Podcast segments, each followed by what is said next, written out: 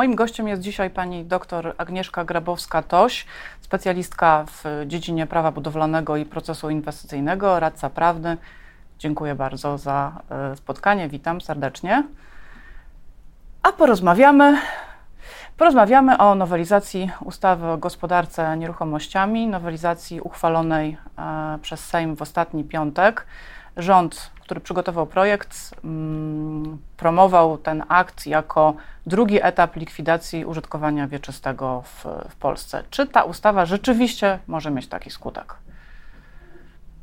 No niestety nie, ponieważ żeby zlikwidować prawo użytkowania wieczystego, należałoby uchwalić taką ustawę, która przyznawałaby prawo własności wszystkim użytkownikom wieczystym, a dodatkowo e, ta ustawa musiałaby również mm, likwidować możliwość ustanowienia prawa użytkowania wieczystego. Taką mm, możliwość przewiduje zarówno kodeks cywilny, jak i właśnie ustawa o gospodarce mm, nieruchomościami, która teraz uchwałą Sejmu właśnie została znowelizowana.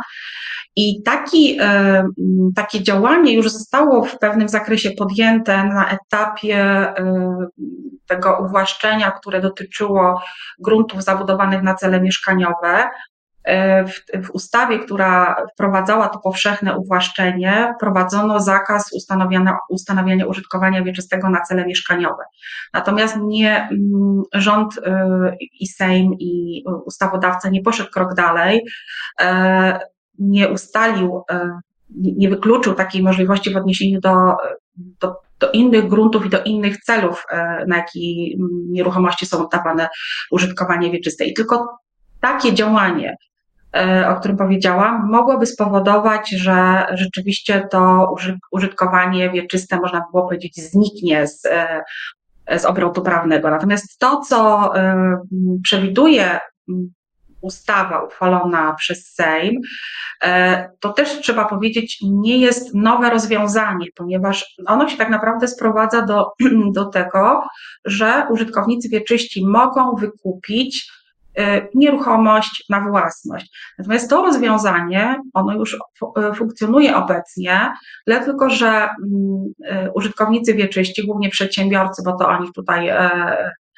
mowa, nie mogli z tego e, prawa korzystać, ponieważ e, właściciele gruntów, czyli Skarb Państwa, bądź też jednostki samorządu terytorialnego, no nie podejmowały decyzji w kwestii przeznaczenia e, tych gruntów do, do sprzedaży. Wynikało to przede wszystkim w ostatnich latach ze stanowiska Komisji Europejskiej, która zakwestionowała obecnie funkcjonujący model ustalania ceny sprzedaży gruntów na rzecz użytkownika wieczystego.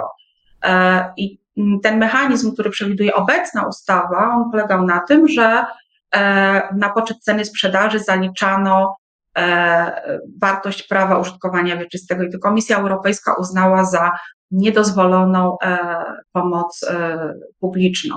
To, co teraz zostało wprowadzone, ma jakby przeciwdziałać też takiemu e, rozwiązaniu i ma też spełniać wymogi właśnie, które e, narzuciła Komisja Europejska. Czy te przepisy są korzystne dla przedsiębiorców, czy przedsiębiorcy będą e, jakby no właśnie korzystać z dobrodziejstw tych, tych regulacji, które teoretycznie mają pozwolić im na uwłaszczenie się? I tak, i nie. Mm, wynika to z tego, że y, przepisy, które zostały wprowadzono. One oczywiście będą jeszcze podlegały być może e, zmianom na etapie e, Senatu.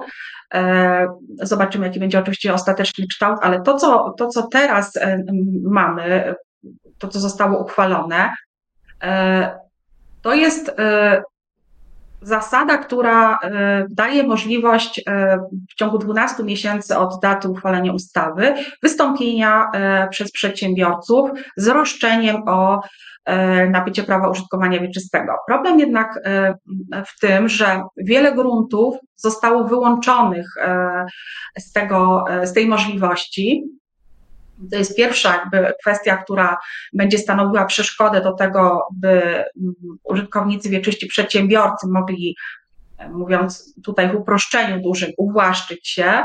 E, A druga kwestia to jest kwestia pomocy publicznej, ponieważ ustawa przewiduje, że nabycie prawa użytkowania wieczystego, własności gruntów oddanych w użytkowanie wieczyste e, będzie mogło nastąpić za cenę e, dwudziestokrotności iloczynu obecnej stawki opłaty za użytkowanie wieczyste i wartości gruntu e, ustalonego na dzień zawarcia umowy sprzedaży. W związku z czym, jeżeli ta opłata, mm, ta cena będzie stosunkowo znaczy będzie, będzie z oczywistych względów odbiegała od wartości e, rynkowej nieruchomości, wówczas przedsiębiorcy będą musieli uiścić e, e, dopłatę z tytułu właśnie udzielonej pomocy publicznej. Wspomniała Pani, że nie wszystkie nieruchomości są objęte tym, tymi przepisami, tą ustawą, a które są wyłączone? Jeśli chodzi o wyłączenia, to z, z, z roszczenia, czyli z, z możliwości wystąpienia y, do właściciela y, z żądaniem zawarcia umowy sprzedaży, y, są wyłączone grunty, które są niezabudowane, grunty, które zostały oddane w użytkowanie wieczyste po 31 e, grudnia 1997 roku, e, a także grunty, które e, do których użytkownik wieczysty nie wykonał zobowiązania wynikającego z umowy.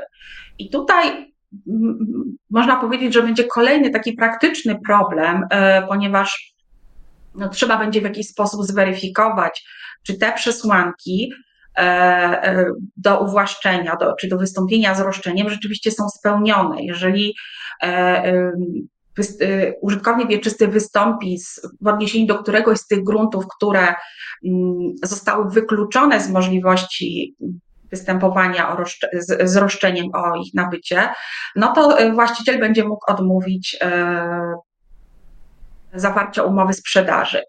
I podmiotem, który tak naprawdę będzie decydował o tym, czy zostały spełnione przesłanki do y, zawarcia umowy sprzedaży w ramach roszczenia, które z założenia ma być tym korzystniejszym e, sposobem nabycia użytkowania wieczystego, y, tym podmiotem będzie właściciel, więc tutaj też będzie pewna, y, pewna swoboda ze strony czy Skarbu Państwa, czy jednostek samorządu terytorialnego e, do, do ustalania tak naprawdę, czy te przesłanki są spełnione, czy nie. Więc nie będzie też z drugiej strony żadnego mechanizmu pozwalającego e, użytkownikowi wieczystemu na zakwestionowanie stanowiska e, Skarbu Państwa czy jednostki samorządu terytorialnego w tym zakresie. Podczas prac sejmowych część posłów proponowała, by mm, adresaci tych przepisów mieli nie rok, tylko pięć lat na, na e, wystąpienie z roszczeniem. Ostatecznie stanęło na roku. Czy pana, Pani zdaniem to jest e, wystarczający okres? Moim zdaniem to nie jest wystarczający okres, z tego względu, że mm, e, wielu użytkowników wieczystych korzystało w ciągu ostatnich trzech lat e, z pomocy publicznej. E, mieliśmy okres pandemii, e, więc wszelkiego rodzaju tutaj pomoc, która, która została udzielona, w wielu przypadkach była kwalifikowana właśnie jako, jako pomoc publiczna. W związku z czym wielu z nich najprawdopodobniej może mieć wykorzystany ten dopuszczalny limit pomocy publicznej. I nabywając e, czy, czy mm, kierując e, żądanie do e, właściciela gruntu o przeniesienie prawa własności nieruchomości na jego rzecz, no będzie musiał się liczyć z tym, że no nie będzie mógł skorzystać z tego limitu pomocy publicznej, bo został on po prostu już wyczerpany. I w takiej sytuacji będzie zmuszony do zapłaty dopłaty do, która stanowi e, różni, różnicę pomiędzy ustaloną ceną sprzedaży e, a wartością e, rynkową nieruchomości. W związku z czym no, dojdzie do takiej sytuacji, że użytkownik wieczysty tak naprawdę będzie musiał nabywać nieruchomość no, w zasadzie za cenę rynkową. Pytanie, komu z użytkowników, któremu z użytkowników wieczystych to się rzeczywiście opłaci.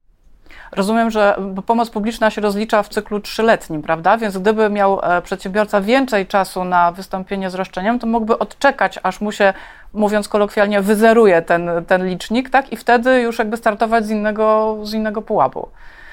A wspomniała Pani, że się. Jednak. E, Przepraszam. Wspomniała Pani, że się nie opłaci, ale czy trzeba będzie w ogóle skorzystać z, z, tego, z tej możliwości uwłaszczenia, czy jeżeli przedsiębiorca sobie przeliczy, że mu się nie opłaca, po prostu może nie zrobić nic i wtedy nic się nie zadzieje? E, tak, to jest, to jest jakby pozostawione do decyzji um, użytkownika wieczystego, czy to mu się opłaci, czy to, czy to mu się nie opłaci. Natomiast to też nie, e, nie eliminuje możliwości wystąpienia z, e, z wnioskiem o zawarcie umowy sprzedaży po upływie e, roku od, od daty, kiedy ustawa wejdzie w życie. I w takim przypadku również będzie mógł taki użytkownik, e, przedsiębiorca złożyć wniosek o, e, o zawarcie umowy sprzedaży. No, tylko w tym przypadku już niestety tak naprawdę do decyzji e, właściciela gruntu będzie należało to, czy ten, czy ten grunt zostanie na jego rzecz sprzedany, czy nie. Oczywiście tutaj ustawa zawiera pewne regulacje, które, które mają określić, w jaki sposób e, Skarb Państwa czy jednostki samorządu terytorialnego mają mm, pewne przesłanki dotyczące e, przeznaczenia takich gruntów właśnie do sprzedaży na rzecz użytkowników wieczystych określić. No ale jak ostatecznie e, to zostanie zrobione, no to to już jest, że tak powiem, pewna przyszłość. Tak, zobaczymy. Rozumiem, że główna różnica polega na tym, że w świetle obecnych zasad użytkownik wieczysty może wystąpić o, o sprzedaż, ale może spotkać, spotkać, się z odmową, natomiast w świetle e, tej ustawy, mm, jeżeli są ustawowe przesłanki spełnione, to Skarb Państwa czy, czy samorząd nie może odmówić, prawda? Tylko kwestia na jakich zasadach. Tak, nie będzie mógł odmówić, natomiast y, nie będzie mógł odmówić tylko przez rok. E, dlatego to jest takie istotne, mhm. żeby ewentualnie próbować korzystać e, e, z tego roszczenia właśnie w okresie tych 12 miesięcy. No, tutaj zalecałabym użytkownikom wieczystym, by po prostu dobrze przeliczyli, skalkulowali i zweryfikowali też to, czy, czy, czy korzystali z pomocy publicznej, żeby potem nie, no nie spotkać się z niespodzianką, że tak naprawdę za grunt, który wielu z nich zapłaciło mm, cenę rynkową, bo no, trzeba też jakby też na to zwrócić uwagę, że prawo użytkowania wieczystego dzisiaj, dzisiaj właściwie, mówiąc kolokwialnie, kosztuje tyle, ile prawo własności. I tutaj wielkich różnic e, nie ma, w związku z czym, jeżeli ktoś kiedyś nabył e, grunt e, oddany w użytkowanie wieczyste i teraz chciałby ten grunt wykupić, no to może się okazać, że będzie musiał zapłacić po prostu kolejną, kolejną opłatę, kolejną cenę, która, która stanowi równowartość rynkową e, tej nieruchomości. Ostatnie pytanie, czy adresatami tej ustawy, tych nowych przepisów są tylko przedsiębiorcy, czy na przykład osoby fizyczne też mogą skorzystać z, z, rozwiązań, które tam zostały zaplanowane? Tak, jak najbardziej. Jak najbardziej osoby fizyczne również mogą z tego, z tej ustawy skorzystać. E, to będzie dotyczyło tych, e, tych osób, które nie skorzystały z tego powszechnego uwłaszczenia, które miało miejsce 1 stycznia 2019 roku. Z różnych względów e, nieruchomości nie, nie podlegały e, przekształceniu w prawo własności. Garaże na przykład, prawda? O tak, dokładnie. Mhm. Ale na, na pewno nie będą mogli z tego roszczenia skorzystać no, osoby, które dysponują ogródkami działkowymi, tak? rodzinnymi ogródkami działkowymi. To dla zła wiadomość. Dla są wykluczone, tak, wykluczone są właśnie z uwłaszczenia czy z roszczenia. Dziękuję pięknie za rozmowę. Moim i Państwa gościem była dzisiaj pani dr Agnieszka Grabowska-Toś, specjalistka w dziedzinie prawa budowlanego i procesu inwestycyjnego. Dziękuję bardzo. Do widzenia. Dziękuję bardzo pani redaktor. Do widzenia.